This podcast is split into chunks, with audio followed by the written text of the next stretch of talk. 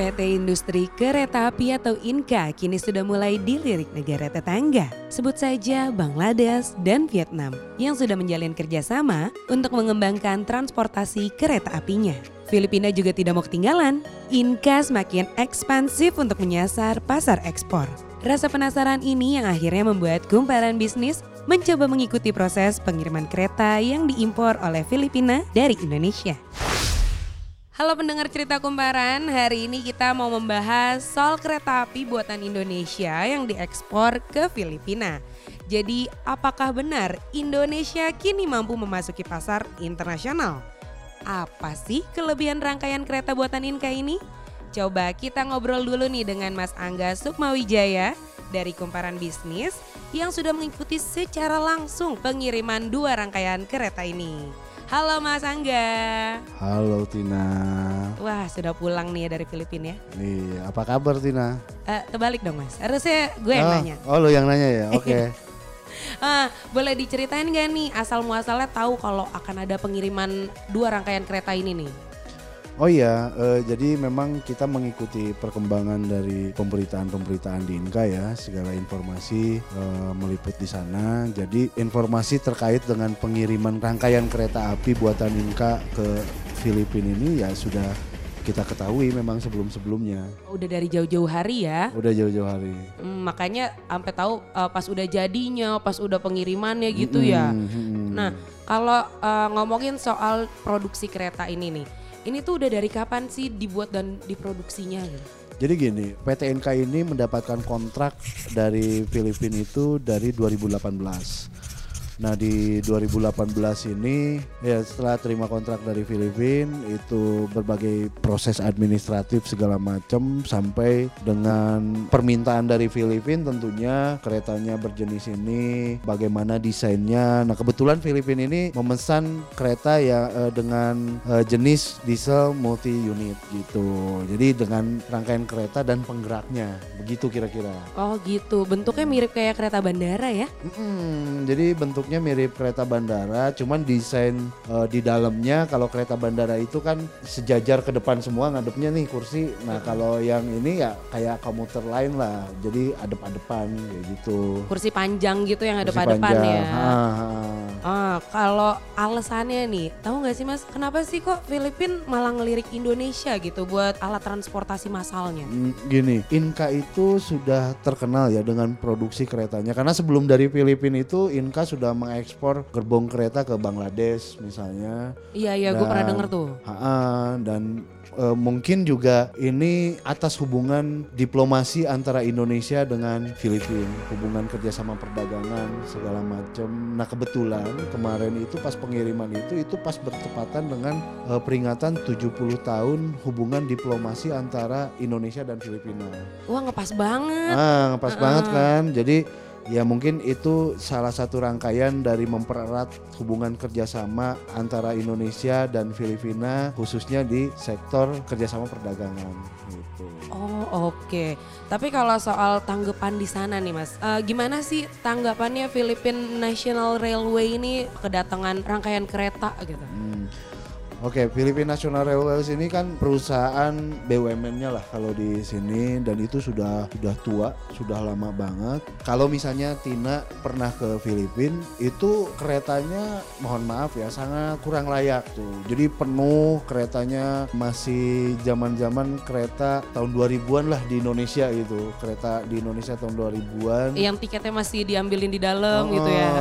Berdesak-desakan gitu. Terus persinyalannya juga masih manual manual. Jadi masih ada orang yang ngatur-ngatur sinyalnya tuh sama relnya juga mereka udah tua banget. Nah makanya ketika kereta buatan Inka itu datang itu mereka seneng banget gitu ngelihat bahwa wah ini bagus ya desain keretanya segala macam. Ya mereka sangat antusias lah. Aku sempat ngobrol sama general manajernya Philippine National Railways hmm. namanya Pak Jun gitu dan dia sangat appreciate dengan kereta buatan Inka ini. Iya sih gue aja yang ngeliatnya yang kayak Wow, keretanya bagus banget. Hmm, ya kan, bagus kan? Bagus banget parah. Oke, nah kalau rangkaian kereta yang dikirimin ini nih, itu tuh dimaksudin untuk dalam kota aja kayak semacam KRL gitu ya atau buat luar kota di Filipina? Oke gini aku jelasin dulu ya. Uh, jadi Filipina ini memesan kereta itu yang DMU ya, yang tadi aku sebut di multi unit itu ada 6. Duanya udah dikirim kemarin, empat sisanya itu kemungkinan di awal tahun depan. Menurut Dirut Inka, Pak Budi itu sekitar bulan Februari. Nah memang yang di multi unit ini untuk arus perkotaan gitu, untuk transportasi perkotaan.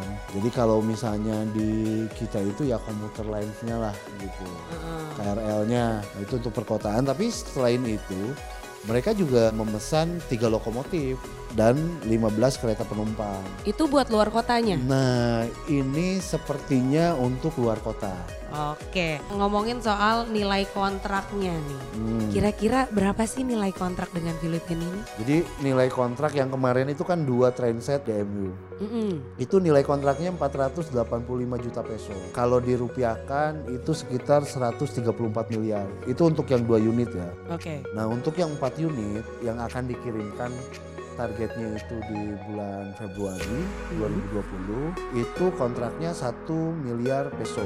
Nah untuk uh, lokomotif dan 15 kereta penumpang itu nilai kontraknya 1,3 miliar peso atau 362 miliar. Jadi uh, keseluruhan nilai kontrak PT Inka untuk pengadaan kereta pesanan dari Filipina National Railways ini sekitar 792 miliar. Oh. Lumayan kan? Lumayan banget. Lumayan lah. Daripada katanya ada yang mau barter juga ya selain ini kan? Mm, itu barter uh, Kamboja ya. Iya. Kamboja barter dengan uh, komoditas tambang segala macam. Oh kalau ini berarti cash gitu ya? Ya ini berbentuk uang. Oh berbentuk uang. Hmm. Oh, Oke. Okay. Nah terakhir dong, lo kemarin dikirim ya, perlu dong diceritain gimana pengalamannya naik kereta yang diekspor ke Filipina ini. Jadi pengalaman kemarin cukup unik ya, cukup menarik. Titik start untuk uji coba operasional tanggal 16 ya. 16 Desember nih ya. 16 Desember 2019 itu Philippines National Railways mulai mengoperasikan dua train set buatan Inka. Nah kemarin diuji coba tuh satu dan saya naik di situ itu dari stasiun Della Rosa itu sampai stasiun Tutuban. Itu sekitar mungkin aku kira-kira ya. Uh-huh. itu sekitar 15 km lah. Dan itu berjalan lancar. Jadi pejabat-pejabat dari Filipina terus yang PNR eh, Filipina National Railways itu ikut di situ media-media dari Filipina juga ikut ikut dalam uji coba itu eh, termasuk dari PT Inka dan dari Kedutaan Besar Republik Indonesia untuk Filipina. Nah mereka sangat antusias ya karena ya cukup nyaman keretanya cukup nyaman nyaman dalam artian ini cukup uh, lebih besar mm -hmm. lebih besar terus bisa menampung banyak orang yang duduk yang berdiri segala macam dan cukup cepat. Jadi gini, sebenarnya kereta buatan Inka ini kecepatan penuhnya itu bisa 100 km per jam. Tapi karena relnya di Filipina itu sudah cukup tua,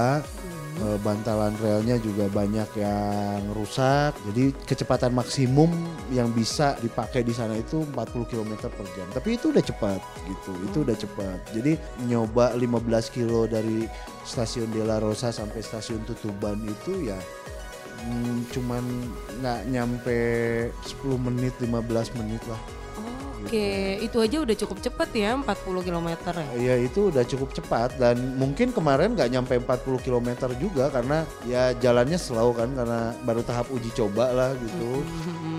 Ngelihat kanan kiri dan orang-orang yang ada di pinggiran rel ini masyarakat Filipina excited nih. Itu sangat excited sekali. Uh. Mungkin mereka baru pertama kali kok keretanya bagus ya gitu iya. kan uh, mereka ada yang dada-dadang, lambain tangan gitu, ada yang motret-motret gitu dan uh, jujur banget sih pas itu wah keren juga gitu. Jadi uh, ngelihat bahwa produksi dalam negeri itu dipakai oleh negara lain dan masyarakat di sana sangat antusias itu jadi bangga banget gitu. Iya memberikan cukup kebanggaan lah gitu buat Indonesia. Wow. Gila ya, aku yang ngedengerin ceritanya aja tuh udah cukup excited loh. Oke deh. Makasih ya nih Mas udah dateng. Pokoknya intinya nih kita udah harus seneng ya pendengar. Ternyata Indonesia juga bisa dan mampu loh buat ekspor alat transportasi massal kayak kereta, kita. Semoga ini dapat berkembang terus dan menghasilkan ya. Makasih pendengar cerita kumparan sudah mendengarkan kami. Saya Atletina dan Saya Angga Sukma Wijaya. kami pamit undur diri. Bye. Sekian dulu podcast kali ini dan terima kasih telah mendengarkan podcast Cerita Kumparan.